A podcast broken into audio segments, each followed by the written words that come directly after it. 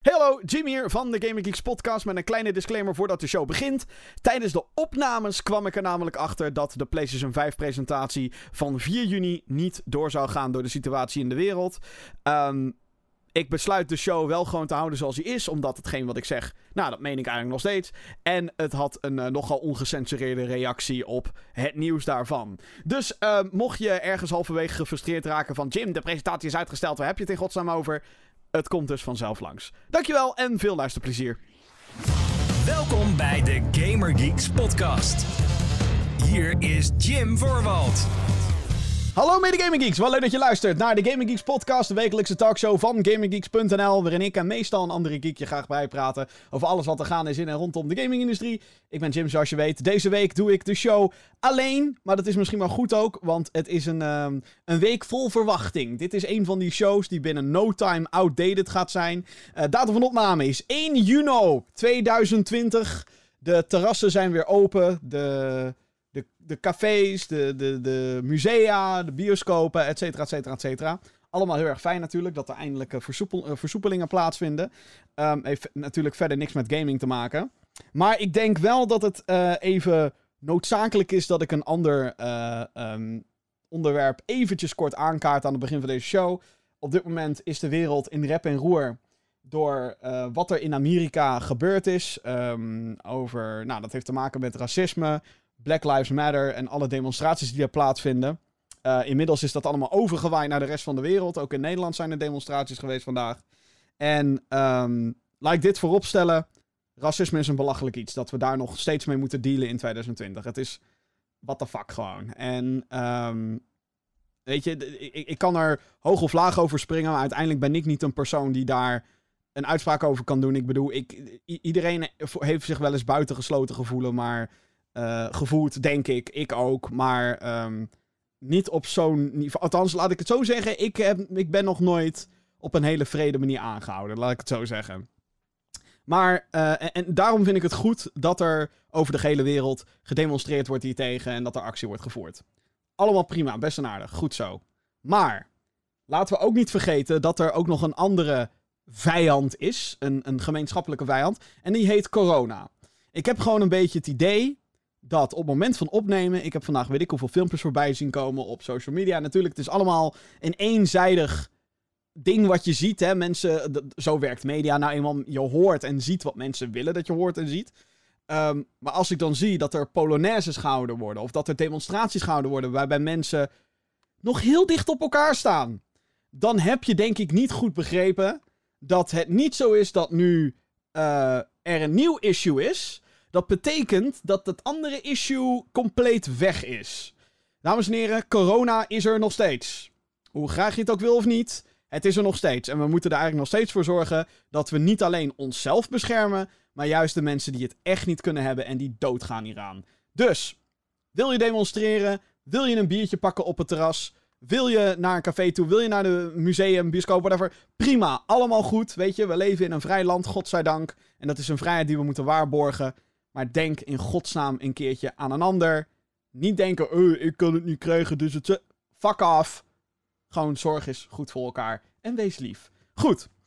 Tot zover. Waarschijnlijk het meest uh, maatschappelijk relevante ding wat ik kan zeggen in deze show. De Gamer Geeks podcast. Hallo, dit is aflevering nummer 133 in deze show.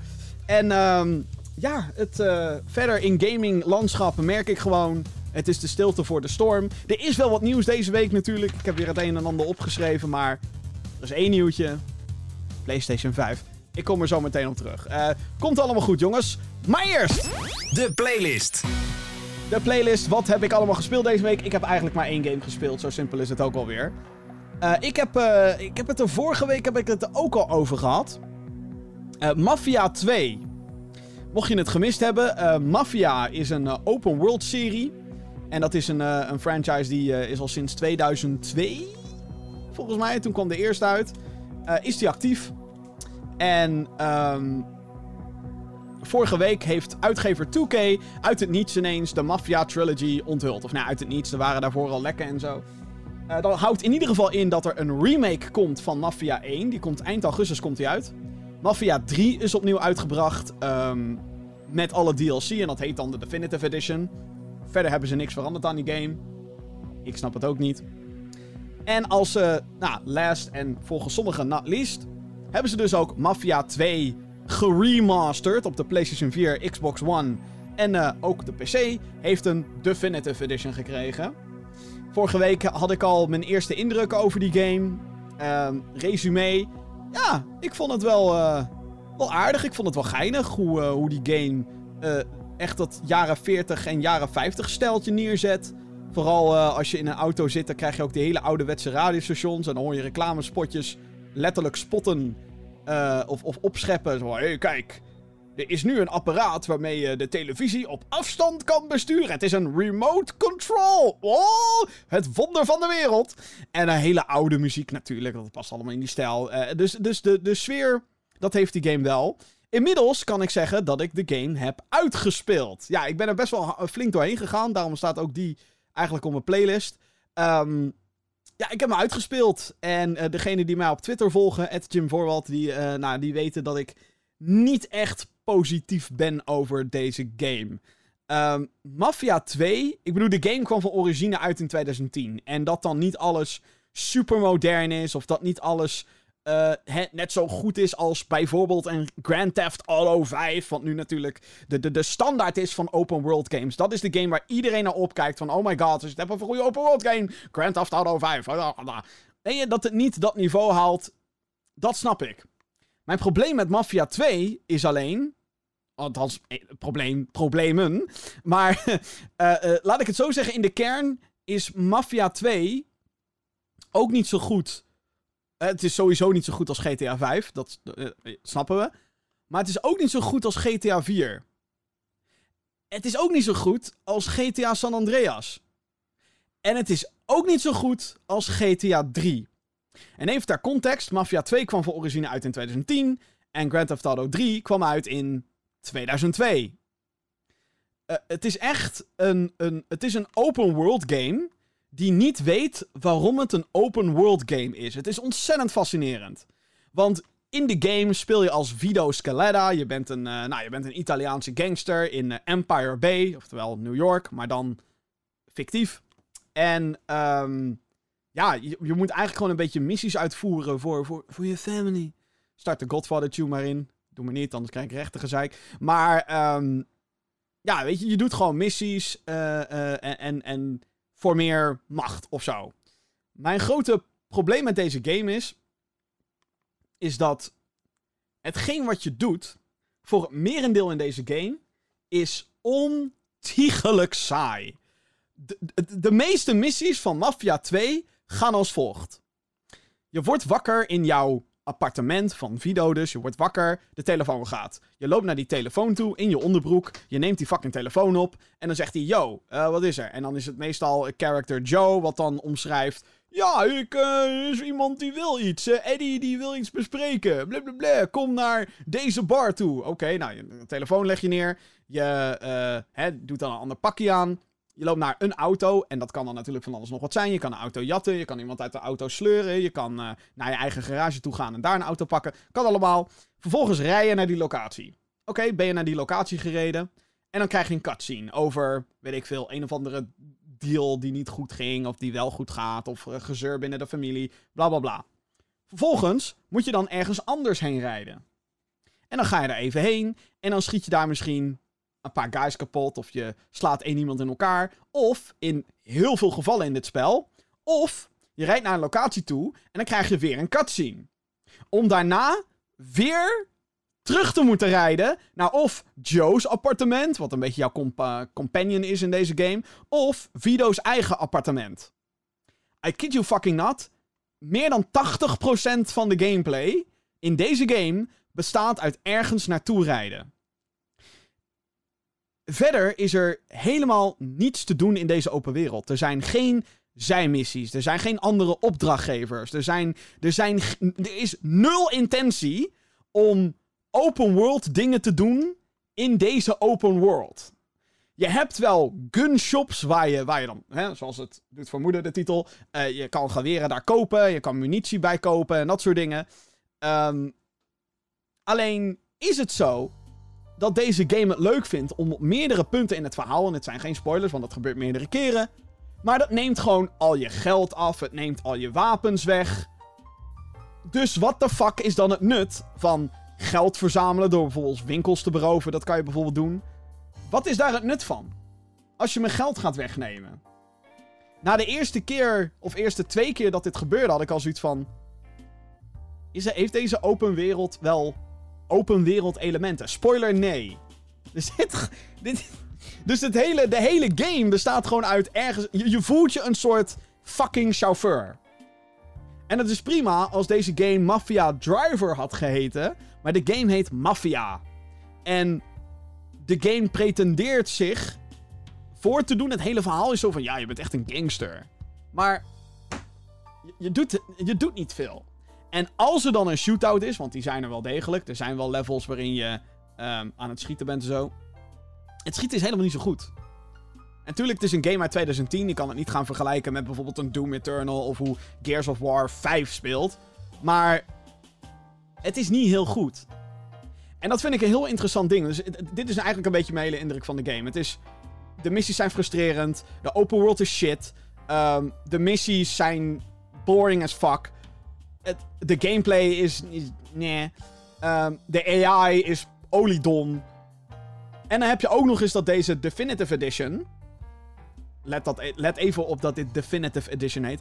Vol met bugs zit en, en gekke kwaaltjes overal. De auto's rijden niet lekker. De, gras dat groeit, voor, of nou, dat groeit niet eens. Dat verschijnt ineens voor je ogen. En dan denk ik wel van, 2K, waar ben je nou in godsnaam mee bezig? Maar ik vraag me vooral af, waarom was iedereen ooit zo positief over deze game? Want ik heb, uh, dit was de eerste keer dat ik Mafia 2 speelde. Ik heb Mafia 3 heb ik wel gespeeld. Dat was vier jaar geleden toen die game uitkwam. En toen had ik ook zoiets van... Nou, ik weet niet waarom iedereen zo enthousiast is over deze franchise, maar 3 viel in ieder geval tegen. En ik las overal op het internet... Ja, inderdaad, 3 viel een beetje tegen, maar 2 was echt goed. Ik heb nu 2 gespeeld. ook als ik het gewoon bekijk vanuit de lens 2010. Gewoon dan denk ik... Er zijn zoveel betere open world games. Er zijn zoveel interessantere open world games. Ik speel dan liever de Godfather game. Of Scarface. Of GTA 3. Niet, niet GTA de allernieuwste, nee. GTA 3. Heeft een betere open world structuur. Ik vind ook het verhaal niet zo heel interessant. Het is heel stereotypisch. Voor een gangster story. Het is... Meh. Meh, meh, meh. Ik vond dat het even moet, moest rectificeren. Want ik weet dat... Nou, vorige week was ik in deze show best wel zo van, ja, ja, ik ben wel benieuwd hoe het verder gaat. Eigenlijk een beetje in de veronderstelling dat ik nog echt in het prille begin zat van de game. En dat het daarna daadwerkelijk open zou worden. Je begint in de jaren 40, nog tijdens de Tweede Wereldoorlog, wat uh, heel interessant is. Amerika in de Tweede Wereldoorlog. Uh, daarna, is dit een spoiler? Nou ja, eh, whatever, game is 10 jaar oud. Lichte spoilers voor Mafia 2, I guess. Daarna beland je de gevangenis en daarna kom je dus in de jaren 50 waar de rest van de game zich plaatsvindt. En ik dacht dus echt, oh, hè, ik kom in de jaren 50, nu gaat de game echt beginnen. Al die tutorial shit is voorbij. Al dat hele, dat je aan je handje wordt vastgehouden van, oh nee, je moet hierheen, oh nee, je moet daarheen. Dat is nu al, nee, dat is niet klaar. Dat is de rest van de game. Gaat dat door. En het is... Ja, ik snap gewoon niet wat mensen goed vonden aan deze game, als ik heel eerlijk ben. Ik, uh, ik raad hem zeker niet aan om voor, zeker niet als je nu, als je de game nog helemaal niet hebt of zo, de game kost 30 euro. Nee, het is ook nog eens ontiegelijk kort, by the way. Het is, um, hoeveel staat er op mijn Steam-teller? Volgens mij staat er iets van 14, 15 uur staat er. En dan heb ik ook lopen klooien tot en met. Missies die ik continu overnieuw moest doen. Want dat is ook, het checkpoint systeem is niet heel erg um, vrijgevig in deze game. Dus als je ergens naartoe moet rijden en daar heb je een shootout, dan is de kans heel groot dat als je dan in de eerste fase van die shootout doodgaat, dat je dan weer daar naartoe moet rijden. Hartstikke leuk, jongens. Maar, um, ja, ik denk dat het best wel duidelijk is. Ik, um, nee. 30 euro voor Mafia 2 Definitive Edition. En dan is het ook nog eens zo dat de console ports, de PlayStation 4 en de Xbox One, die draaien voor geen meter. Op mijn PC is het nog allemaal te doen. Hè, daar kan je een hoge framerate kan je, uh, forceren, basically. Maar um, ja, op de consoles is het echt een drama. En dan denk ik echt, wat hebben jullie in godsnaam daar gedaan? Behalve niet veel. Ze hebben het gepoord naar de PlayStation en de Xbox. Maar meer dan dat kan je er eigenlijk ook niet over zeggen. Het is heel, gewoon heel jammer. Het is heel jammer. Ik hoor zoveel positieve verhalen over Mafia. En dan. Uh, nou ja. Is dit een beetje wat het is. En dat is gewoon heel erg jammer. Goed, ja, dat is eigenlijk het enige. Daar, daar heb ik mijn tijd aan verspild deze week. Dus. Uh, joepie, dat was. Uh, mijn playlist. Sad. Zometeen in de Gamer Geeks podcast. Uh, zometeen uh, een belangrijke rol is gecast voor de Borderlands film. Ja, we hebben game film nieuws. En nieuwe gratis games. Soort van. Uh, voor de maandelijkse abonnementsdiensten, als je een abonnementsdienst hebt, zoals PlayStation Plus of uh, Xbox uh, Games Live Gold of Xbox Game Pass Ultimate. Um, ja, dan kan je weer nieuwe dingen gaan claimen. Ik ga je zo meteen vertellen wat dat allemaal is. En natuurlijk jouw vragen beantwoorden. Dus heb jij vragen voor de show? Mail naar podcast.gamergeeks.nl. Ik herhaal, dat is podcast.gamergeeks.nl. Nieuws. Dan gaan we naar het nieuws van de afgelopen week. En ja, is eigenlijk wel één nieuws wat uh, alle headlines uh, een beetje heeft gedomineerd. Het was het nieuws voor het nieuws. Je snapt het wel. Het heeft te maken met een next-gen console. Een next-gen console waar we eigenlijk tot dusver nog vrij weinig van hadden gehoord. Maar godzijdank. Aan dat wachten komt een einde. Want. PlayStation gaat eindelijk meer onthullen rondom de PlayStation 5. Op donderdagavond 4 juni 2020 uiteraard wordt er een presentatie uitgezonden waarin we volgens PlayStation The Future of Gaming gaan zien. Op het PlayStation blog werd bekendgemaakt dat het event ongeveer een uur gaat duren. Het wordt dus een, uh, ja, moet ik het zeggen, een, uh, een, een presentatie, een online uh, digital event. de focus zal vooral liggen op games. Daardoor moeten we niet gaan verwachten dat we meer details gaan krijgen over de console zelf. Aangegeven is dat zowel kleinere als grote studio's titels gaan laten zien. Wie of wat, dat weten we op het moment van opname nog niet. Er zijn natuurlijk zat geruchten die er uh, over het internet heen gaan. Een interview die daarna afgenomen werd gaf ook een interessant detail. PlayStation is niet geïnteresseerd om PlayStation 5 games naar de PlayStation 4 te porten. Dat is een strategie die lijnrecht tegenover die van Xbox Series X staat. Die first-party games zullen de aankomende jaren nog zullen draaien. Ja, die kunnen nog gedraaid worden op Xbox One. Zeg ik dat goed? Ja, dus alle games die van, Xbox zelf, die naar Xbox Series X gaan de komende twee jaar, kunnen ook op Xbox One. Volgens mij zeg ik het goed. Bij Gaming Geeks gaan we de presentatie natuurlijk ook uitzenden met onze eigen commentaar en analyse. Oftewel, professional opinions. Juist. Uh, donderdag 4 juni vanaf half negen avonds op Twitch, YouTube en Mixer. Dus mocht je dit voor die tijd horen, um, check het. Check het, dames en heren. Want het, uh, ik denk dat het wel een spektakeltje gaat worden. Althans, dat hoop ik natuurlijk.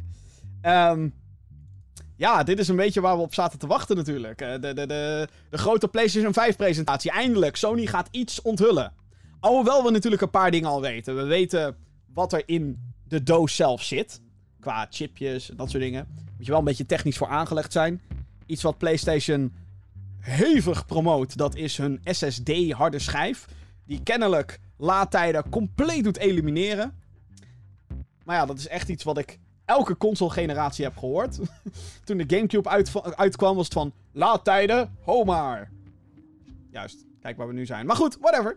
Um, SSD schijnt dus super belangrijk te zijn. En daardoor kan de console veel meer data tegelijkertijd streamen. Waardoor games nog indrukwekkender kunnen zijn, et cetera, et cetera. Maar goed, we weten dus wat er in de doos zit. Vette processor, eh, toffe kaart, snelle schijf. We weten ook hoe de controller eruit ziet. De PlayStation 5 DualSense. Het heeft een microfoontje ingebouwd. Het heeft weer een touchpad. Het heeft alle PlayStation knoppen die je gewend bent. Het is voor het merendeel wit gekleurd met een soort van zwarte onderkant. Best wel interessant design. Dat hebben we nog niet eerder gezien in een standaard controller van, van een PlayStation. Uh, we weten dat de triggers haptic feedback gaan krijgen. Nog meer van dat soort dingen. Maar ja, dat is het dan ook. En ik wil nogmaals benadrukken dat, um, dat we niet te horen gaan krijgen, denk ik, aangezien dat best wel uitgebreid op het PlayStation blog wordt, uh, wordt omschreven, het gaat over games, het gaat over games. We zien wat, wat voor games je gaat spelen. Prijs en release datum, verwacht het niet. Ik kan er natuurlijk overigens in, in, in, in de aankomende vijf minuten... kan ik er volledig naast zitten, wil ik even wil ik benadrukken. Want Het, het is gewoon. Ik ben ook maar wat aan het gokken, jongens. Ik weet natuurlijk. Hè, ik weet wel een beetje wat voor. Nou goed. Prijs en de console zelf. Ik denk dat ze dat gaan bewaren voor een ander moment. Waarschijnlijk in juli. Hè, nog een maandje later. Dat ze dan zeggen: Oké, we hebben alles op orde. Ook in deze gekke tijden waarin we, we natuurlijk leven. Uh, we hebben alles op orde. Uh, we kunnen dit garanderen voor deze prijs. Het zou heel goed 500 euro kunnen zijn, sterker nog. Bijna alle signalen die, die wijzen daarnaar. En dan heb ik het niet over een of andere scammy webshop. Um, en ja, welke release datum, geen idee. Het maakt eigenlijk, ja, het zal oktober of november zijn. Want dat is gewoon de slimste tijden. Uh, of de slimste data om zoiets te releasen. Dat is gewoon het najaar. Um, maar ja, meer dan dat kan ik ook niet gokken. Wat voor games gaan we zien? Want dat is waar deze presentatie om gaat. De games. Um, ja, weet ik niet. ik, ik durf op bijna niks... Durf ik te zeggen, ja, dit sowieso. Dit sowieso. Want het is met PlayStation... Um, aan de ene kant zou je natuurlijk kunnen zeggen... Ja, tuurlijk is dit in ontwikkeling. En tuurlijk is Game X in ontwikkeling. Maar aan de andere kant, wat gaan ze nou laten zien?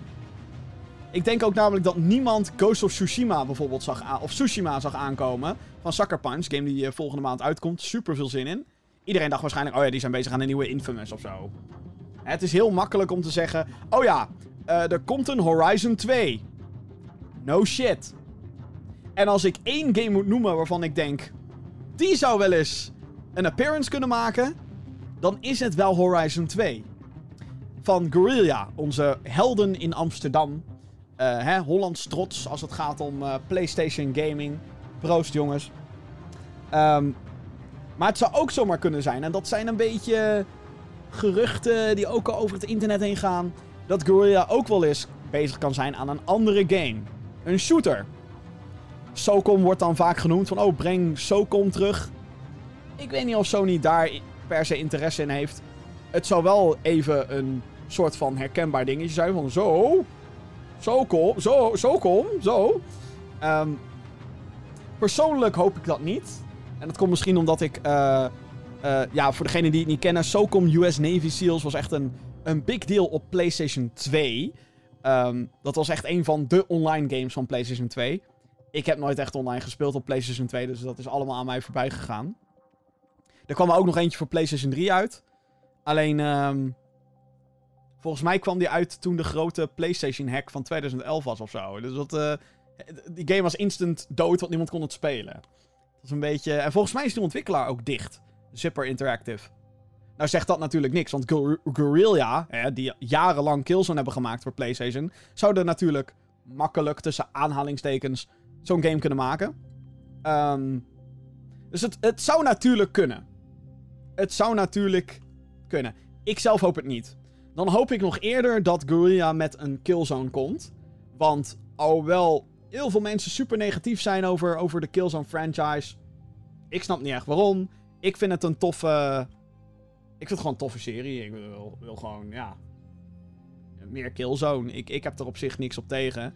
Alhoewel je natuurlijk. Uh, het feit dat er de afgelopen zeven jaar geen nieuwe Killzone is geweest. Moet natuurlijk ook wat zeggen.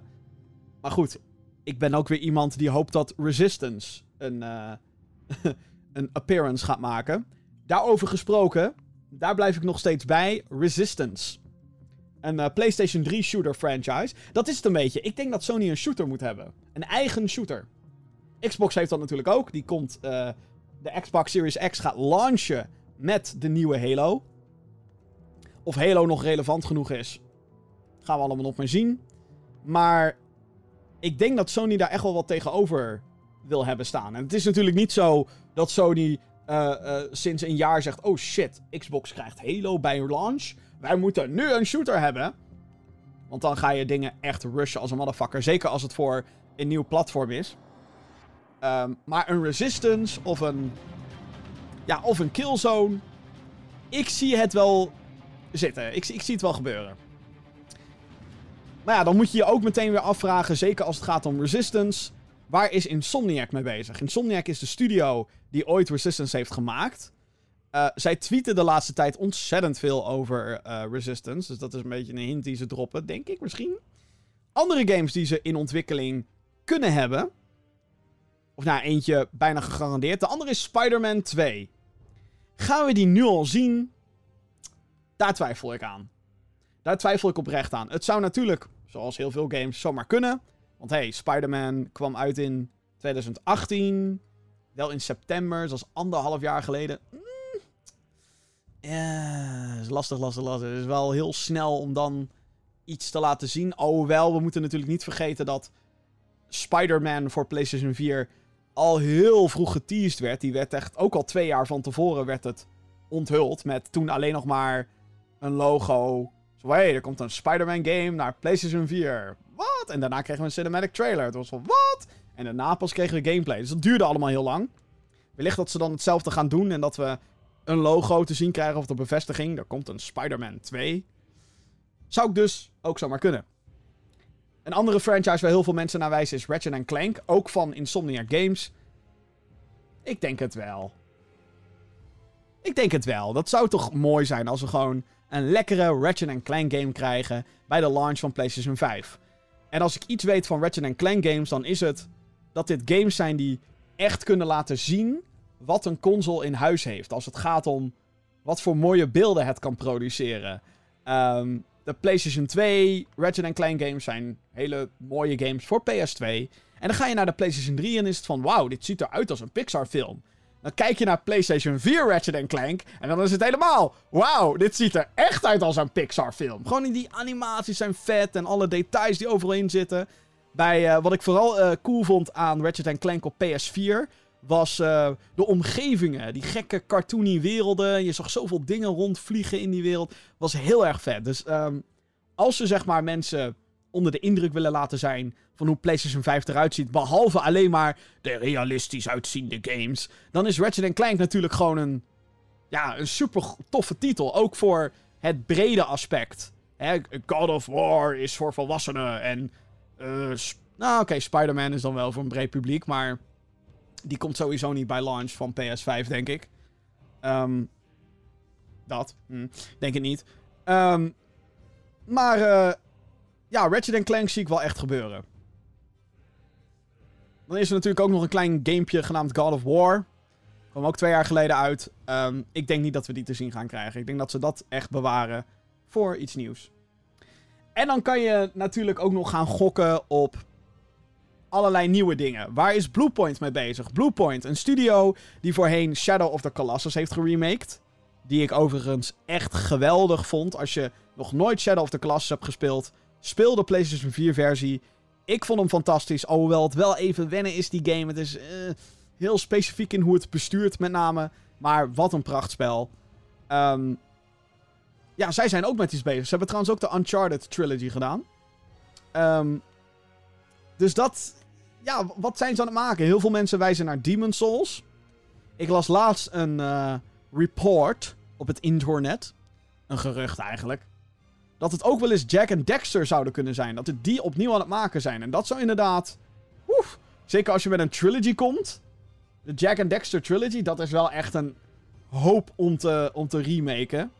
Maar ja, Activision heeft hetzelfde gedaan natuurlijk met Crash Bandicoot voor PS4 en Spyro voor PS4. En Tony Hawk komen ze natuurlijk ook mee, want dat is twee games. Alsnog heel veel zin in natuurlijk. Tony Hawk. Oh. Die komt niet naar. Nou ja. Pff, nou, sowieso. Nee, ik denk niet dat die naar PS5 komt. Die shit is natuurlijk gewoon backwards compatible en zo. Um, dus ja, en wat is er dan nog over? Ja, dan kan je natuurlijk kijken naar VR. Ik denk niet dat we iets van VR gaan zien. Um, ehm, VR is gewoon iets wat ze. Net zoals heel veel andere dingen, dat willen ze daarna doen. En je wilt natuurlijk eerst dat die console überhaupt in iemand zijn handen is. Voordat je een nieuwe VR-headset, een nieuw complementair apparaat eraan gaat introduceren.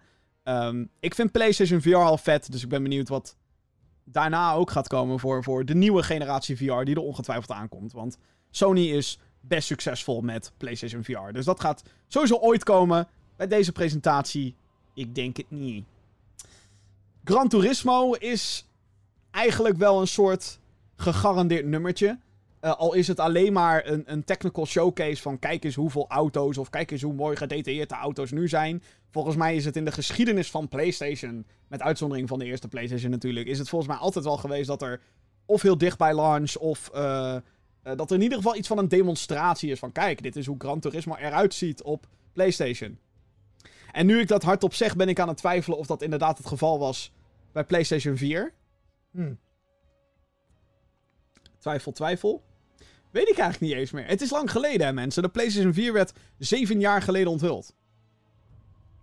Wauw, ik voel me oud. Ehm, maar ik zie dat. Ik, ja, Gran Turismo. Of in ieder geval een race game. eh, kan nogmaals gewoon een tech demo zijn. En dat zijn eigenlijk een beetje de enige games waar ik uitspraken over durf te doen. We kunnen natuurlijk ook dingen zien van derde partijen. Dus je moet niet vreemd gaan opkijken als Assassin's Creed Valhalla bijvoorbeeld ineens eh, op komt duiken. Oh wel, die hebben een soort marketing deal met Xbox geloof ik. Eh, dat daar met name de game geshowcased wordt. Dat kan. Ehm, maar het kan ook zo zijn dat we bijvoorbeeld dan een andere Ubisoft game gaan zien. Zoals Watch Dogs. Watch Dogs Legion, die nog een release date moet krijgen en dergelijke. Ik denk niet dat we een release date gaan krijgen, maar misschien een showcase van kijk, Watch Dogs Legion op PS5. Kijk eens hoe mooi. Woe, dan wij allemaal gek worden. Eh, een andere kans, een ander ding wat we wellicht kunnen gaan zien, en dat zou ook wel eens een keertje tijd worden, is, en dit komt een beetje out of left field, denk je, de nieuwe Call of Duty. Eh, Call of Duty heeft al jarenlang natuurlijk die, ja, hoe noem je dat? Die, ehm, die soort van ook marketing samenwerking met PlayStation. Waardoor sommige game modes zelfs een jaar exclusief blijven. Uh, Modern Warfare 2 Campaign Remastered verscheen een maand eerder op PlayStation. uh, en daarna pas op uh, Xbox en, en PC.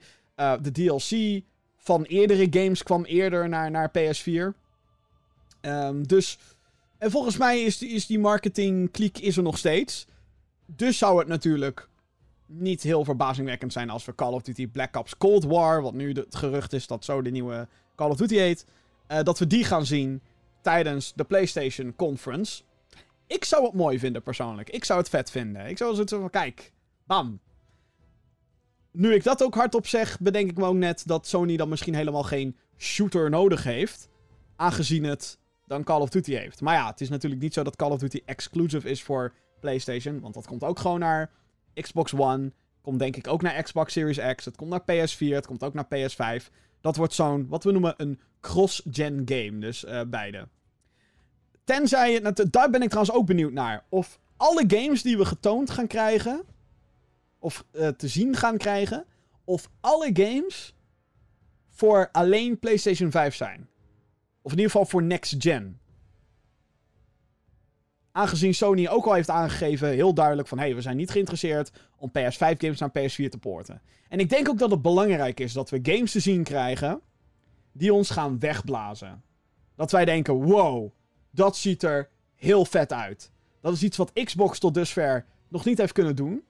En dat is logisch, want de meeste van de games die nu bevestigd zijn voor Xbox Series X... zijn ook voor Xbox One en dan eventueel PS5, PS4... Dus dat is cross-gen. Dat is op beide uh, generaties dat te spelen. Dus het feit dat het op de Xbox One en de PlayStation 4 moet kunnen draaien. Ja, daarmee beperk je natuurlijk al wat je in een game op zich kan doen. De basis moet op beide kunnen werken. Uh, en daarnaast heb je dan natuurlijk ook gewoon de gigantische druk die er achter die ontwikkelaars is. Om dan niet drie versies van een game te ontwikkelen. Als je uitgaat van PC, PS4, Xbox One. Maar dan worden het er ineens vijf. Dan heb je PS5, PS4, Xbox One, Xbox Series X en PC. En voor sommige Stadia, dan zit je op zes. En voor een paar gekkies, ongetwijfeld, ook nog eens Nintendo Switch erbij. Damn. Uh, dat zijn heel wat platforms waar je een game voor probeert uit te brengen. Als je dat allemaal zou willen doen en kunnen doen. Um, dus de meeste games die cross-gen zijn, zijn gewoon weg niet zo indrukwekkend. En dat is niet heel erg. Maar ik denk dat na die flater van Xbox, dat we met z'n allen zaten. Ten eerste, dit is geen gameplay. Ze hadden ons gameplay beloofd. Zat er amper in. Um, en ten tweede, niet heel veel zag er echt next gen uit. En het is heel lastig te omschrijven wat next gen nu is. Maar ik denk, ik hoop, dat we dat hier te zien gaan krijgen. Dat dit het ding wordt van, ja ja, dit is de next generation. En ik hoop ook dat we verrast worden door um, functionaliteit. Of nou, een gewoon een, een, toffe gimmick in een game. iets wat we ook echt nog niet eerder hebben gezien. En het kan dan zijn aantal units op een scherm of, of uh, een bepaalde manier van, van vernietiging in een game die we nog niet eerder zagen. Of een bepaalde manier van interactie die we nog niet zagen. Het wordt ook wel tijd dat games daarin een volgende stap gaan zetten. Want we kunnen alles mooier maken, we kunnen alles hè, uh, toffer maken, we kunnen de, de audio kunnen we beter maken, maar uiteindelijk zijn videogames interactie. En ik wil de volgende stap zien in interactiviteit. En daarmee bedoel ik overigens niet dat er een of andere fucking camera moet aangesloten worden op een console, waardoor ik met mijn handje kan zwaaien. Nee, er moet binnen de game zelf moet er een soort van stap komen. Wat die stap moet zijn, ik heb geen idee. Ik ben zelf ook geen game developer. Maar dat. Dat zijn een beetje mijn gedachten over PlayStation 5. Um, ehm, ja, wat ik al zei, donderdag 4 juni. Dan gaan we het te, te weten en te zien krijgen. Um, mocht je deze podcast voor die datum horen, uh, donderdag 4 juni om half negen op twitch.tv slash gamergeekslive en op uh, youtube.com slash gamergeeksnl. Goed, eindelijk uh, ander nieuws, voor PlayStation 5. Hey, heb je ook nog iets over Xbox? Jazeker. Er is nieuws over Xbox. Uh, dat is mooi. Um, nou, wat is het nieuws? Xbox heeft wat meer details vrijgegeven rondom de mogelijkheid om games te spelen van, we hadden het er al even over, oudere platforms. We wisten al natuurlijk dat alle Xbox One games gespeeld kunnen worden op de nieuwe console, de Xbox Series X. Zo gaat die heten. Uh, daar is nu officieel de Xbox 360 en de originele Xbox aan toegevoegd. Het gaat hier wel om games die al backwards compatible zijn met Xbox One. Dus die volledige library, die gaat mee. Daarnaast werd aangegeven dat de kracht van Series X het toelaat om de titels er beter, uh, beter te laten draaien. Minder lange laadtijden, betere framerates en hogere resoluties zijn beloofd als deze de game niet volledig breken. Ook wordt er een techniek toegepast waarbij sommige games ook gebruik kunnen maken van HDR kleurfuncties. De Quick Resume functie zal ook werken bij de klassieke games. Dit is dat je meerdere games op pauze kan hebben en ze meteen door kan spelen zonder een game zeg maar te moeten opstarten en dan een laadscherm. Blablabla. Nee, gewoon meteen klik en je zit in de game. Het is nog niet bekendgemaakt of meer oudere games toegevoegd worden aan Xbox Series X. En of het hier enkel gaat om digitale games of ook de fysieke. Dat is op. Uh, ik heb die Wire Post, de Xbox Wire Post, heb ik even zitten lezen. En ik kon niks terugvinden van. Hey, doe je deze disc erin, dan werkt die. En ik zou het toch wel fijn vinden als we daar iets meer over te horen krijgen. Want. Hm. Ik bedoel, hoe vet is het? Dat is wel echt bizar trouwens, hé. Hoe vet is het als je straks een 20 jaar oude Xbox disc, een OG Xbox disc, in jouw Xbox Series X kan steken en dat die game vervolgens opstart. dat is toch bizar? Dat vind ik heel vet. Ik, vind, ik, ik moedig dit zo hard aan. Let's go. En, en het is bijna zonde, het is bijna kut dat we van PlayStation 5 waarschijnlijk al weten dat ze in ieder geval geen, niet verder teruggaan dan PS4 als het gaat om supporten van oudere games. En ik vind dat ergens jammer. Ik zou het zo tof hebben gevonden om gewoon PlayStation 1, 2, 3, 4, 5, dat allemaal te kunnen spelen op één platform. Oh my god. Dat is zo vet. Um, maar goed, terug naar Xbox. Ik moedig dit hartstikke aan. Ze zijn er ook trots op, weet je wel. Ze promoten het met Four generations of Xbox on one console. The most powerful console ever built, zeggen ze dan. Um, tof. Vind ik leuk. Uh, gewoon goed nieuws dus. Uh, had je al, ben je al fan van het beetje mengen tussen oude en nieuwe games? Oud en nieuw. Goed nieuws dus, want Xbox 360, Xbox en Xbox One. Allemaal backwards compatible met Xbox Series X. Het is een hele mond vol. Ik heb nog zo, nooit zo vaak het woordje X in mijn mond genomen. Dan uh, filmnieuws, gamefilmnieuws. Ja, ja, ja, ja, ja. Um, het eerste castlid van de aankomende Borderlands film is namelijk bekendgemaakt. Na meerdere geruchten is nu officieel gecast in de film Kate Blanchett. Um, ja, zij gaat dus spelen in de, de verfilming van de looter shooter die ontwikkeld wordt door Gearbox en uitgegeven door 2K. De actrice staat onder andere bekend van rollen zoals Galadriel in The Lord of the Rings trilogy.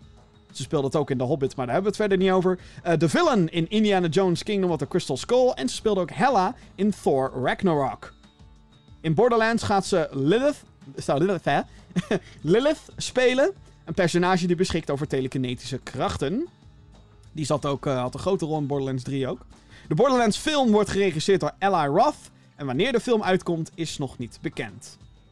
Ja, ik weet niet of deze film goed gaat. Of, of deze franchise goed gaat vertalen naar het witte doek. Ehm, het heeft nogal puberale humor. Het, eh, ik weet het niet. Het is een beetje. Ik weet ook niet of Kate Blanchett. Weet je, met alle respect. Het is een beetje age-shaming wat ik nu ga doen. Maar eh, Kate Blanchett is al over de 50. En Lilith in Borderlands, zoals ik het begreep, is nog best jong. Ik bedoel, het is niet alsof het een onvolwassen vrouw is of zo. Ehm, en hey, Keanu Reeves lijkt ook onsterfelijk, zeg maar. Die is ook al over de 55. Ehm, ik weet niet of dit per se een goede keuze is. Aan de andere kant is dat dan ook wel weer mooi om uh, dan de film even een net wat andere uh, sfeer te geven dan de games. Wat denk ik altijd wel goed is. Je moet natuurlijk. Het moet wel lijken op de game, een film. Hè? Het moet de tofste aspecten moet het pakken. Maar het mag van mij wel iets anders doen. En ja, of, of dit dan een goede castingkeuze is, ik weet het niet. Um, ik ben überhaupt, wat ik al zei, ik ben überhaupt benieuwd of ze dit kunnen laten werken op het witte doek, deze franchise. De andere groot uh, videogame film nieuws. Uh, meer, uh, ja, meer van dat. Paramount Pictures heeft namelijk bekendgemaakt dat er een tweede film gebaseerd op Sonic the Hedgehog in de maak is. De eerste film verscheen eerder dit jaar en had Jim Carrey, James Marsden en Ben Schwartz in de hoofdrollen. Het eerste ontwerp van Sonic in die film werd flink bekritiseerd na het verschijnen van de eerste trailer. Dat was echt een soort monster die daar. Dat was echt. Dit leidde overigens tot een redesign en een uitstel van een aantal maanden voor de film. Um, maar dat heeft zijn vruchten afgeworpen, aangezien Sonic the Hedgehog zeer winstgevend was. En dan zeker voor een videogamefilm. De castleden zijn nog niet bekendgemaakt van de tweede film, maar verwacht wordt dat Jim Carrey als Dr. Eggman, Ben Schwartz als Sonic the Hedgehog en James Marsden als Tom terug zullen keren. De schrijvers, producers en regisseurs, uh, of regisseur zijn al wel bevestigd om ook aan het vervolg te werken. Nou, degene die de film gezien heeft, die weet uh, dat uh, de film best wel teest naar een mogelijk vervolg. En ik vond het echt oprecht een hele leuke film. Het is wel iets te veel voor um, de kids gemaakt. En daarmee bedoel ik dat het hele makkelijke plotlijnen heeft ze zeggen... Oh, alles komt goed, want jee. Een beetje dat. En dan denk ik tegelijkertijd... Ah, misschien had je... Ik weet het niet. Misschien had je de... Het, er is altijd een soort van balans in, in kinderfilms. Waarbij het ook leuk is voor volwassen, volwassenen. Zonder dat ze echt het idee hebben dat ze naar een kinderfilm aan het kijken zijn. En ik vind dat Disney Pixar dit altijd het beste doet gewoon. Dat heeft heel vaak grapjes die alleen volwassenen zullen snappen. Of die leuk zijn voor de hele familie. En alhoewel Sonic genoeg van dat soort momenten had. Ik bedoel, Jim Carrey is echt... Eh, hij is Jim Carrey in die film. En dat uh, ja, is het zeg maar meer dan waard, vind ik. Uh, dat alleen al. Maar ja, sommige plotlijnen waren wel heel erg... Uh, oh ja, dit is een kinder... Dan word je even keihard met de neus op de feiten gedrukt van... Hé, hey, dit is een kinderfilm. Remember? Maar... Zelfs daarmee, ik vond het een ontzettend leuke film. En ik ben er eigenlijk blij. We krijgen eindelijk eens een keer een vervolg op een videogamefilm. De laatste keer dat dat gebeurde... was Resident Evil. Die, die super slechte films. En... Um, de eerste, Laura, de eerste Tomb Raider film met Angelina Jolie. Die kreeg een vervolg. En nou vond ik die eerste met Angelina Jolie vond ik te gek. Maar die tweede... Huh, hoe minder we daarover zeggen, hoe beter, denk ik. Ja, laten we, laat ik het ook gewoon niet doen. Kutfilm. Uh, goed. Uh, na een zeer lange stilte is eindelijk nieuws bekend rondom Final Fantasy Crystal Chronicles Remastered. Hier heb ik zin in. Het origineel kwam in 2004 exclusief voor de Nintendo GameCube. En dit was een opvallende titel. Ten eerste omdat het de eerste Final Fantasy was op een Nintendo-platform sinds dat de serie uh, uh, op de eerste PlayStation te vinden was. Dus dat was toen een heel ding van, oh, Final Fantasy weer terug op, game, op uh, Nintendo, jee. Daarnaast was het een game die een multiplayer mode had, waarbij je Game Boy Advance handhelds aan de GameCube moest koppelen om dit te spelen. De GBA die diende als een tweede scherm, een concept wat we jaren later weer zouden zien bij de DS handhelds en de Wii U voornamelijk. Crystal Chronicles Remastered, die bevat vernieuwde graphics, een nieuwe soundtrack en uh, game, wat nieuwe gameplay mogelijkheden. allemaal fijn. Om het allemaal wat eh, beter en toegankelijker te maken. Ehm, daarnaast is het nu ook mogelijk om de game online te spelen met anderen. Dus je hoeft niet meer per se met z'n allen op een bank te zitten en allemaal verschillende apparaten. Nee, gewoon. Je kan het gewoon online spelen. Godzijdank. Uh, de game verschijnt op 27 augustus voor uh, Nintendo Switch, PlayStation 4. En ook iOS en Android. Dus ook op mobiel. Wat ik daarvan moet verwachten. I don't know. Ik vind het raar. Maar uh, ja, dit is een jeugdgame. Dit is voor mij een jeugdgame. Ik weet nog heel goed dat ik uh, op een rommelmarkt op een Koninginnedag, toen nog geloof ik, verkocht ik mijn Super Nintendo en alle games die daarbij zaten. Alleen maar zodat ik Final Fantasy Crystal Chronicles uh, kon, uh, kon spelen. Als ik een tijdmachine had uh, gehad en ik kon maar één moment veranderen. Nou, Oké, dan had ik wel echt wel andere. Maar bij wijze van, dan had ik mezelf tegengehouden die dag van... Verkoop je Super Nintendo niet. Ik bedoel, Crystal Chronicles is leuk. Maar niet zo leuk. Gegroet je toekomstige zelf. Maar dat gezegd hebben, nu ik volwassener, vol, volwassener ben, soort van, denk ik. Um, ik verheug me heel erg om uh, dit te gaan spelen. Ik heb al met een paar vrienden heb ik afgesproken. Die vroeger ook die game speelden. Ja, dat gaan we spelen. Let's, uh, let's go, zeggen we dan. Yeah, let's go, yeah. Anyway, uh, ook Fast and Furious Crossroads heeft een datum. De race game, gebaseerd op de over-the-top film franchise, komt in de zomer. Ah. Michelle Rodriguez. Uh, ik haat deze naam. Michelle Rodriguez? Godsamme. Michelle Rodriguez. Godsamme. Michelle Rodriguez. Je weet wie ik bedoel. En Vin Diesel, die vertolken hun rollen uit de film. Dat is op zich wel tof. De game wordt ontwikkeld door Project Cars ontwikkelaar Slightly Mad Studios. En uitgegeven door Bandai Namco. De game heeft een vreemde marketingcampagne. De titel werd aangekondigd tijdens de Game Awards afgelopen december. Sindsdien bleef het lang stil en werd er niets gezegd over de mogelijke mei-release datum. Die ze niet gingen halen, want hey, we zitten nu in juni en de game is er nog niet. En we hebben een nieuwe titel natuurlijk, of een nieuwe datum. De nieuwste Fast and Furious film is uitgesteld naar 2021, maar de game niet. En dit was volgens mij eerst echt bedoeld als een soort van, hey, we hebben een game en een film en uh, ja, Fast and Furious man, het is, uh, het is er helemaal. Fast and Furious Crossroads komt nu 7 augustus naar PC, PlayStation 4 en Xbox One. Voor degenen die uh, naar de podcastversie zitten te luisteren en niet de videoversie te kijken, um, de game ziet er niet uit. Ik, heb nu ook, ik zit nu ook naar een gameplay trailer te kijken en het, het is gewoon alsof iemand een PlayStation 3 game uit 2012 heeft gepakt en heeft gezegd: Kom, we gaan het remasteren, soort van. Het ziet er niet uit. Het ziet er echt. Het is een beetje Mafia 2 Definitive Edition. Een beetje. Het ziet er natuurlijk anders uit dan Mafia 2, maar het ziet er niet goed uit, jongens. Het ziet er echt niet goed uit. En ik snap natuurlijk gameplay boven graphics altijd. Maar zeker bij een film, race game ding en over de top actie zoals Fast and Furious.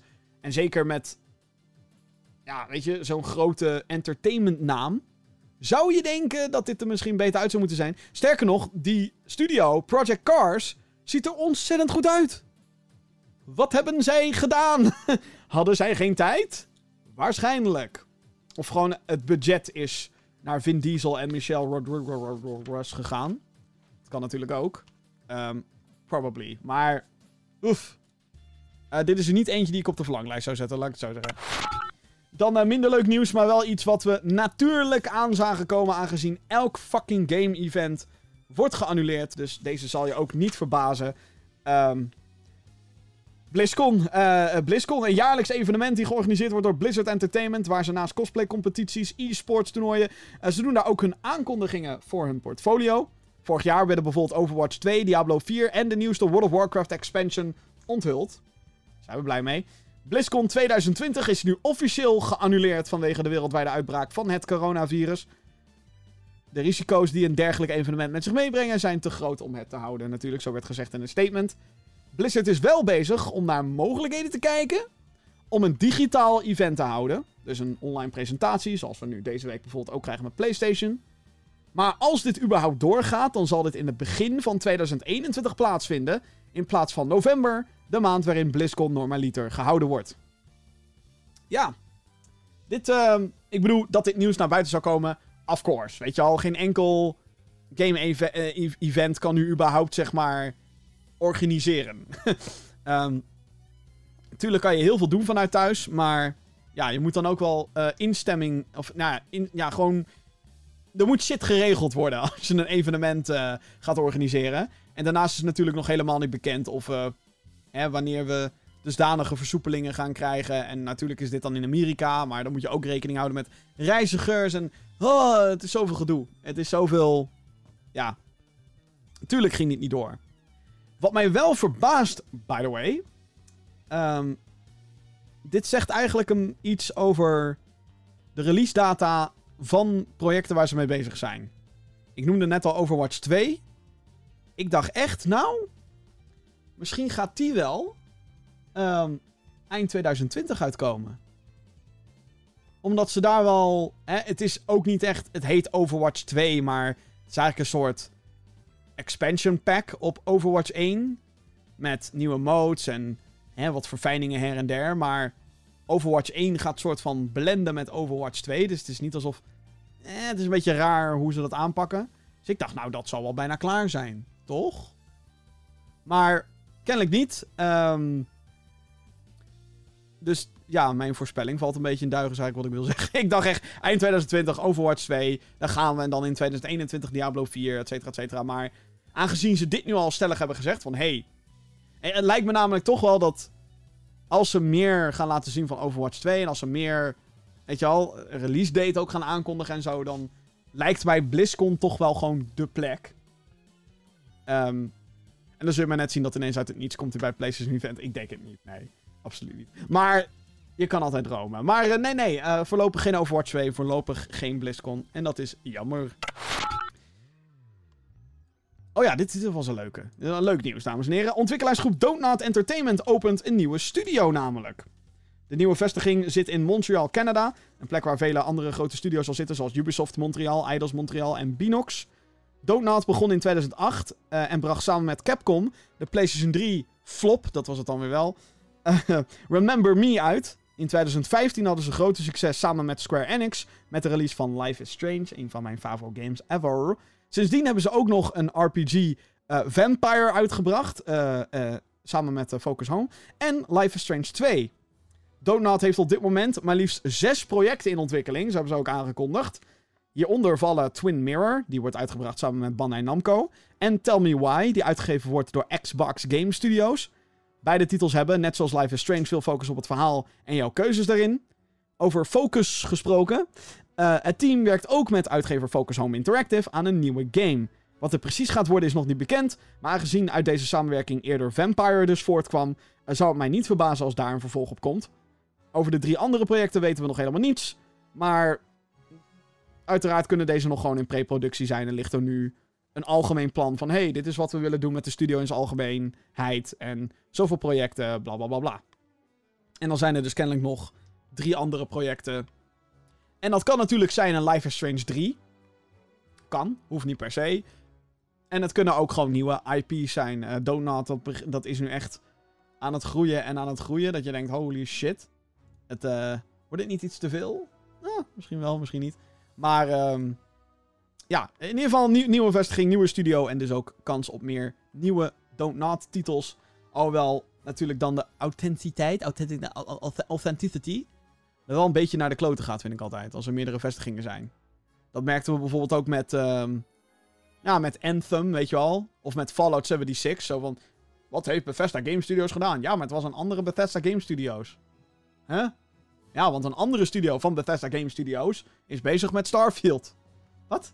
Het wordt, het, het, soms is het gewoon een heel ingewikkeld verhaal, dames en heren. En daar moeten we helaas mee leven. Er is weer een nieuwe maand begonnen. Uh, we zitten dus op het moment van opname in 1 juni. En dat betekent dat we weer nieuwe gratis games kunnen gaan opeisen. Ook al ben je niet van plan om deze games voorlopig te spelen, maar ben je wel lid van de desbetreffende online abonnementsdienst, claim ze dan alsnog, want je weet maar nooit wanneer je zin hebt in de games. En dan zijn ze in ieder geval onderdeel van je library.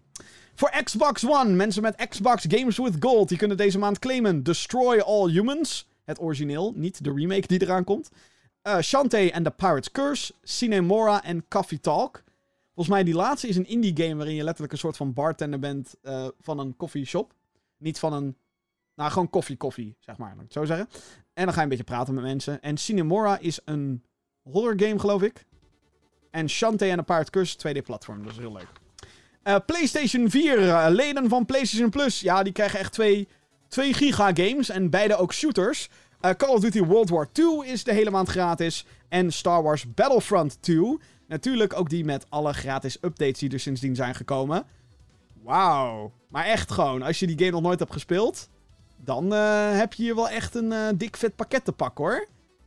En als je ook maar een beetje Star Wars leuk vindt. Ik zou nooit zeggen, als je tegen mij had gezegd in begin 2018, jij gaat ooit Star Wars Battlefront 2 aanraden. Nee ja, ik raad het aan. Eh, zeker als, je, als die bij je PlayStation Plus abonnement zit, want eh wauw. En Stadia, ja ja, voor mensen met een Stadia Pro subscription. Daar komt deze maand bij. Little Nightmares, oh wat goed. Super Hot, Panzer Dragoon, Get Packed en Power Rangers Battle for the Grid. Die laatste is een, ehm, een fighting game met Power Rangers. Ik ben opgegroeid met Power Rangers. Ik hou van Power Rangers. Wat ze daarbij overigens ook meteen hadden aangekondigd, is dat Power Rangers de eerste game is die op vijf platforms crossplay is. Dus het is op Nintendo Switch, PlayStation 4, Xbox One, PC en Stadia crossplay. Ja, dat is eh iets huge. En het is ook wel goed, want ik denk wel dat die game het nodig heeft. Ik denk dat er een hele hardcore Power Ranger fanbase zit die die game nog... Ik vond het een kutspel toen het uitkwam. Het schijnt sinds updates wel wat beter te zijn geweest.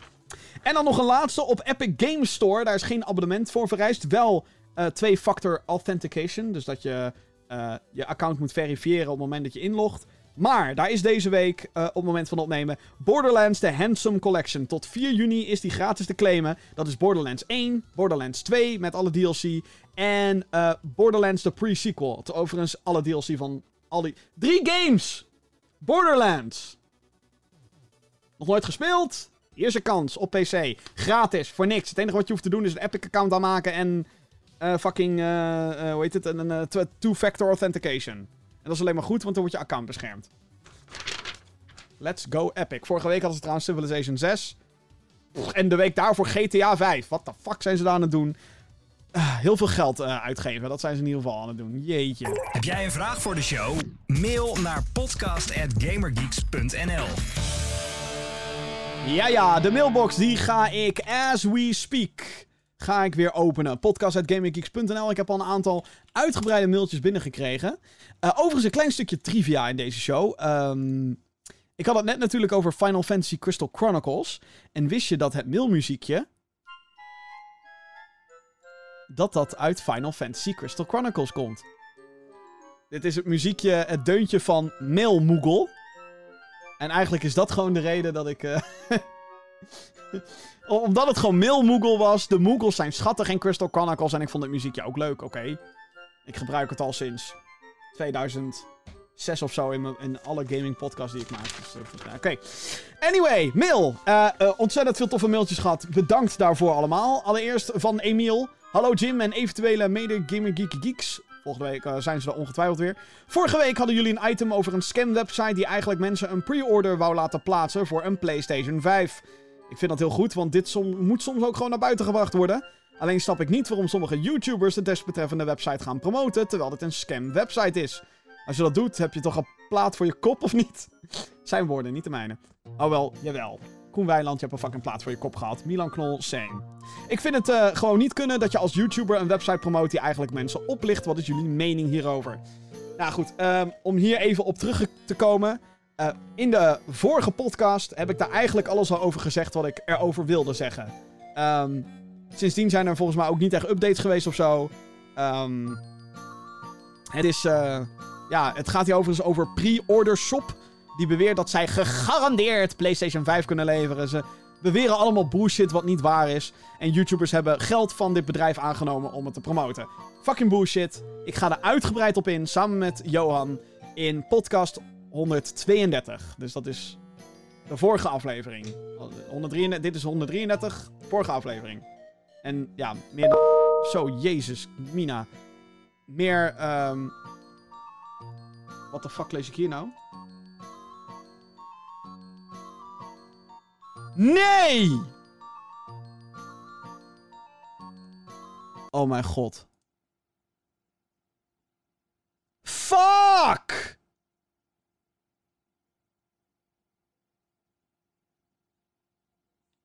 Kutzooi. Oké. Wauw, deze podcast heeft zojuist een dikke wending genomen. Jee! Eh, ik krijg zojuist een mailtje. Waarvoor bedankt Lorenzo. Eh, krijg ik zojuist binnen. Dat door. Wat ik aan het begin van de show al aankaartte. Al het. eh, het gedoe wat er is in de wereld, laat ik het zo zeggen. En dan heb ik het niet over COVID, maar dat andere. Ik ga even de bevestiging opzoeken nu. Dat het PlayStation 5 event niet. Nee, ja, het is bevestigd. Fuck. Het PlayStation heeft het zojuist getweet. Dit is live in de podcast. Fuck. Fuck. Fuck. oh. Ik bedoel, de reden erachter is natuurlijk nog kutter, weet je wel. Maar. Wauw. Dit is kut.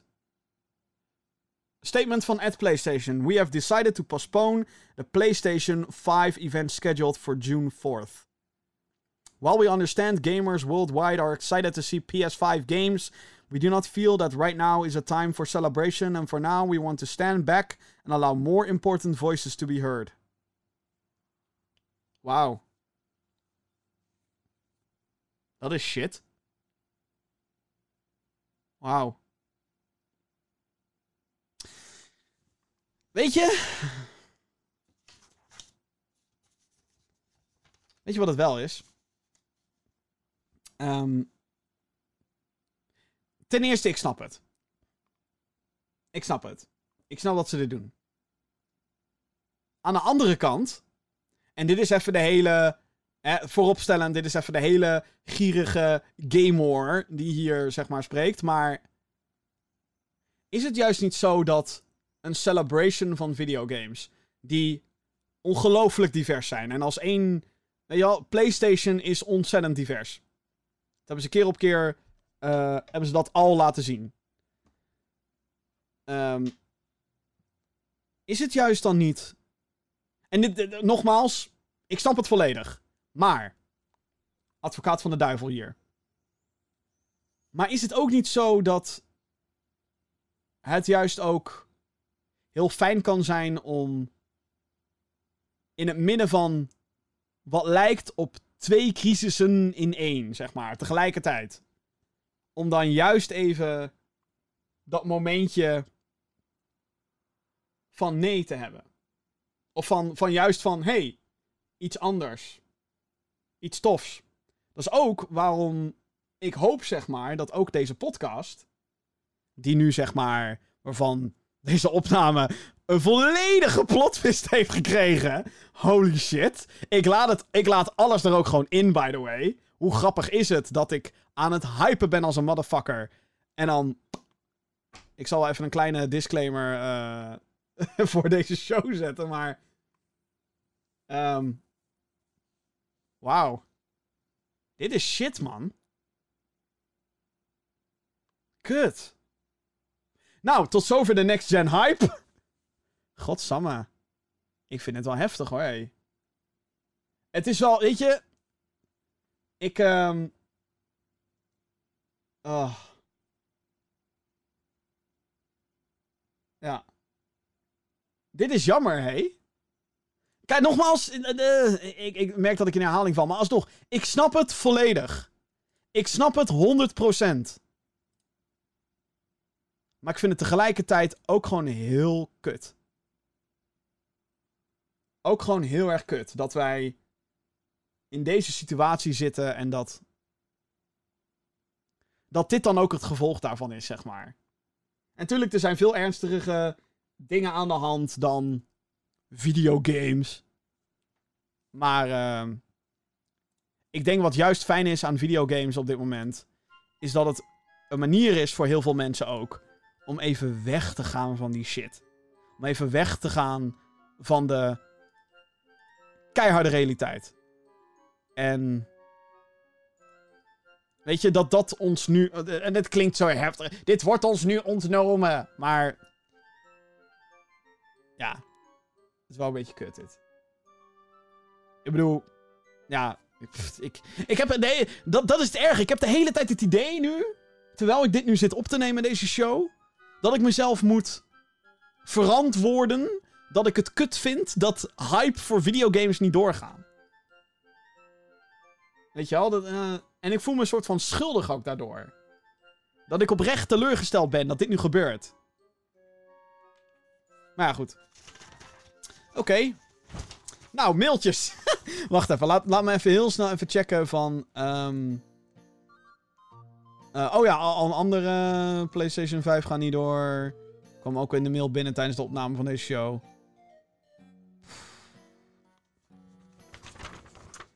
Maar dat is leuk, not. Godsamme. Eh, dan een ander mailtje van Sander. Hallo Jim. Het is bijna juni. Of nou, nu is het inmiddels juni. En als een van de mensen die zich wel verheugen op de DLC van Pokémon Sword and Shield, moet ik het toch vragen.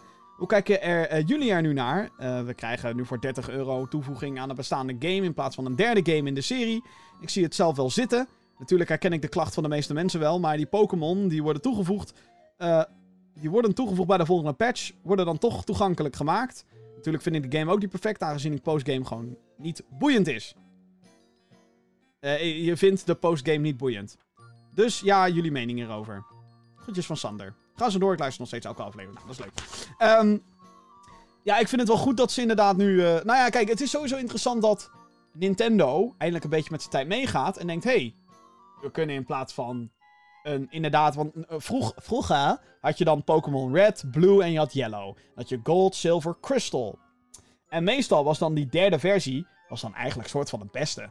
Daar had je vaak een extra gimmick erbij. En vaak kreeg je daar toegang tot meerdere Pokémon. Die eh, in andere, de andere twee, als je die apart zou halen, niet zou krijgen. Dus is dan wel leuk. Ehm, dit verandert natuurlijk de, de, de, de Pokémon game wel een beetje. Dat ze nu expansions gaan maken. Ehm, want het is namelijk zo dat als je de expansion koopt, dat je die of koopt voor Pokémon Sword, of koopt voor Pokémon Shield. En wat natuurlijk best scummy is, is dat ze hadden gezegd: hé, hey, we doen ehm, niet heel veel Pokémon meer. Of althans, het is zo dat je niet alle Pokémon van de oudere games in Pokémon Sword and Shield kan krijgen. Want het was zogenaamd te veel moeite. Het was te moeilijk om alles naar HD te krijgen, bla bla bla bla. En eerst was ik daar soort van dat ik denk, ja, klinkt logisch, klinkt logisch. Maar daarna ging ik nadenken en dan denk ik, ja, hoeveel, hoeveel, over wat hebben we het nou eigenlijk, weet je wel? En zeker als je dan de animaties en de fucking graphics ziet van Pokémon Sword and Shield, dan denk ik, nou, fuck off. Douw gewoon al die Pokémon erin. En een aantal van die Pokémon die er eerst uit waren gesloopt, die zitten er nu weer soort van in met de expansion. ik vind het gewoon een beetje scummy. Het is wel, het is spannend, want mensen dromen al jaren van een gigantische Pokémon game waarbij de mogelijkheden oneindig zijn. Want ja, als er gewoon iets nieuws komt, dan voeg je dat gewoon toe. En eindelijk kan Nintendo dat. Eindelijk. Dus, weet je, het, het is exact, de DLC is exact voor de mensen waarvan je het zou verwachten. Het is voor de fans. En als je trek hebt in meer Pokémon Sword and Shield, nadat je Sword and Shield hebt gespeeld, zal dit ongetwijfeld leuk zijn. Ehm, ja, anders niet. Ehm, by the way, ik vergat helemaal het mailtje van Emiel af te maken voordat de PlayStation er tussendoor kwam. Eh Emiel had namelijk eh, gevraagd over pre-order shop, wat natuurlijk een scummy teringzooi is. Ehm, even kijken. Evitanders, zegt hij ook nog, gebruiken jullie zelf een mechanisch toetsenbord? Zo ja, welk merk en eventuele switch? Ik heb zelf de Corsair K70 MK2 met de rode cherry switches en type behoorlijk lekker. Ik had eh, zelf een membraan toetsenbord, dat is eigenlijk gewoon, de meeste toetsenborden zijn membraan. Maar dat vond ik niet lekker typen en ben daarom overgegaan op een mechanisch toetsenbord. Eh, dat was Emiel trouwens nog. Eh, ik gebruik zelf op dit moment de Rocket... God, hoe heet het ding? De Rocket Vulcan, geloof ik. Wacht, dat kan ik even kijken in mijn programmaatje. Live. Eh, dit is... Ja, de Rocket Vulcan IMO. Dat is ook een mechanisch toetsenbord. Eh, welke switch? Geen idee, dat zou ik even moeten opzoeken. Maar ook deze... Tikt heerlijk weg. Ah, wat lekker. Het is niet... eh, het is zeg maar niet die klassieke... Zeg maar, dat het bijna als een richtingaanwijzer klinkt, maar... Oh, lekker toetsenbordje. Lekker toetsenbordje. Alhoewel ik die klikjes vind ik ook wel fijn hoor. Alleen als je dan met mensen online probeert te praten en zo, dan eh, zeggen sommigen na een tijdje toch wel. eh, kan dat uit? Dat is het grote nadeel van mechanische toetsenborden. Ze, tikken heel lekker, maar. ah. Mailtje van Ruben. Hey geeks, ik las eh, pas dat er een nieuwe Alien game in development is. Bij Cold Iron Studios. Het zal gaan om een MMO in de Alien Universe die vooral shooter-based is. Dat vind ik erg jammer, want ik had zeer gehoopt op een vervolg op de, al zeg ik het zelf, meesterlijke Alien Isolation. Nu heeft de game in principe al een vervolg gekregen, maar dat was een cheap-ass mobile FNAF Five Nights at Freddy's rip-off. Dus mijn vraag, wat vinden jullie ervan dat er een nieuwe MMO Alien game in ontwikkeling is? En wat willen jullie nog zien van de Alien franchise? Ik heb dus even gekeken, want ik had dit nieuws volledig gemist. Dat er een studio weer bezig was aan een, aan een Alien game. Ik weet wel dat er een aantal ontwikkelaars nog benaderd waren voor, uh, voor uh, een Alien. Zoals uh, de makers van Lawbreakers, Cliff Blazinski. Die zijn al weg, by the way. Is al failliet, weg. Anyway, um, ik heb even op die website gekeken. En nergens staat dat het een MMO wordt.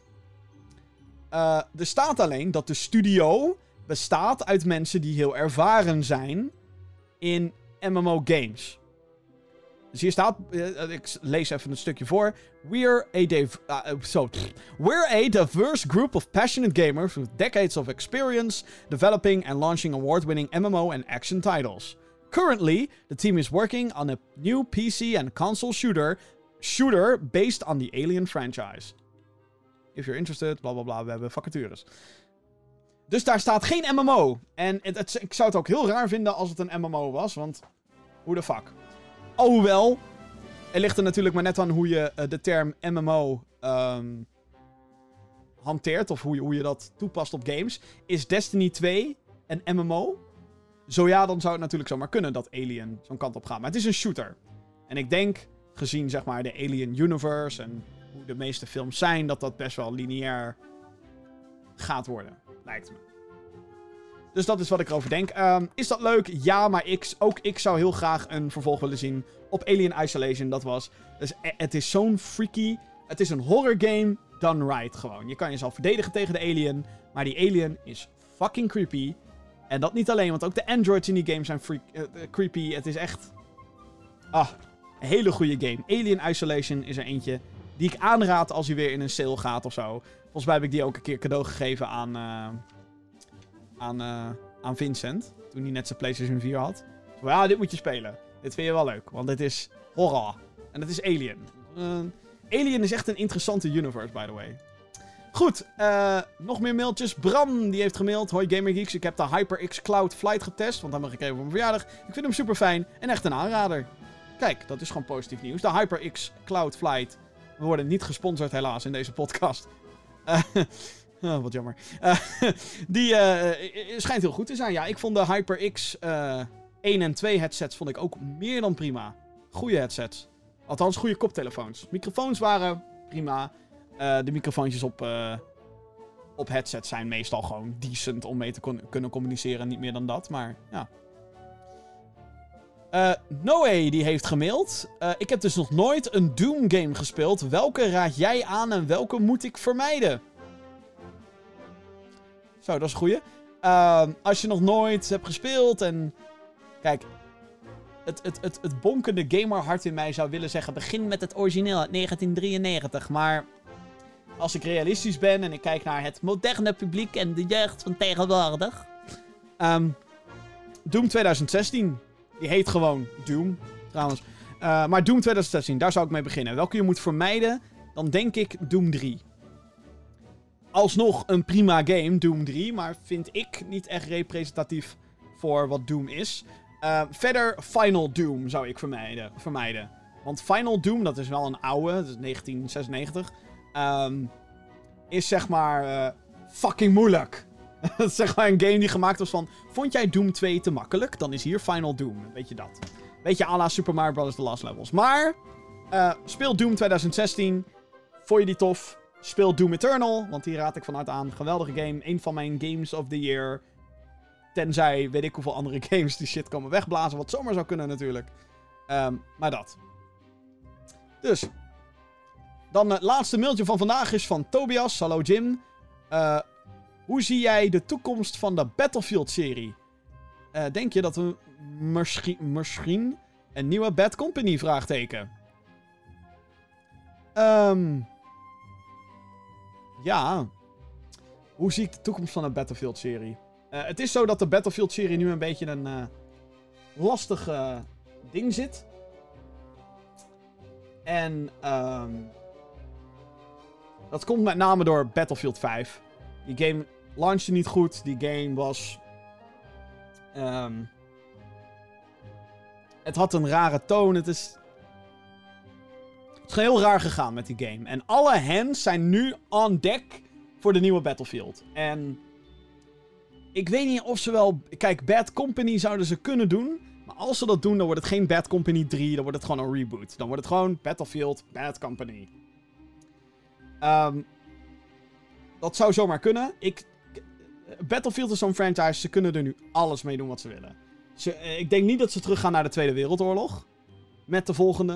Ik denk dat, dat ze dat nu zeg maar een beetje verpest hebben. En dat eh, als ze nu met een nieuwe Tweede Wereldoorlog Battlefield komen. Dat mensen zeggen: ja, dag. Weet je wel, doei.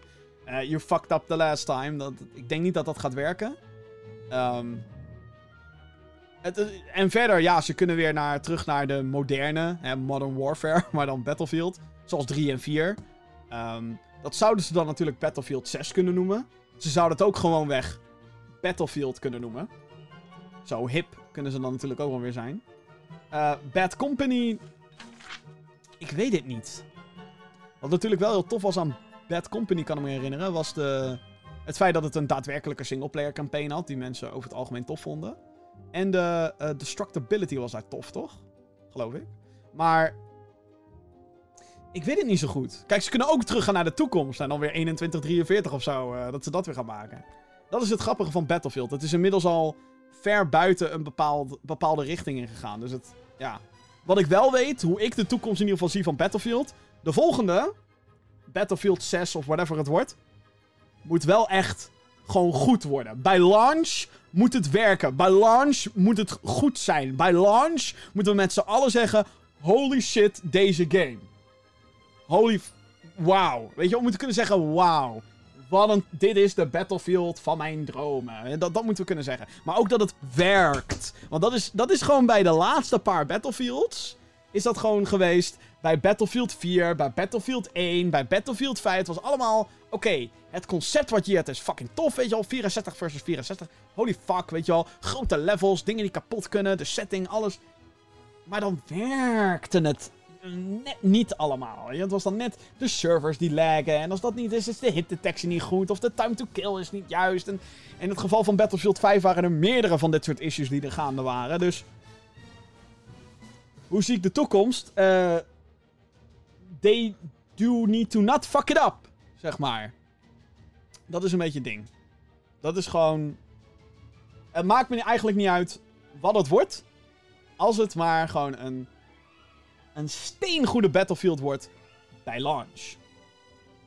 En als er daarna nog toffe content aankomt. Prima. Maar ik hoop dat EA met Battlefront 2 en Battlefield 5 nu hun lesje geleerd heeft. Dat ze niet games moeten afraffelen om een fucking deadline te halen.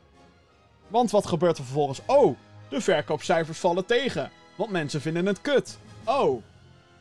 Wat? je had gewoon een beetje...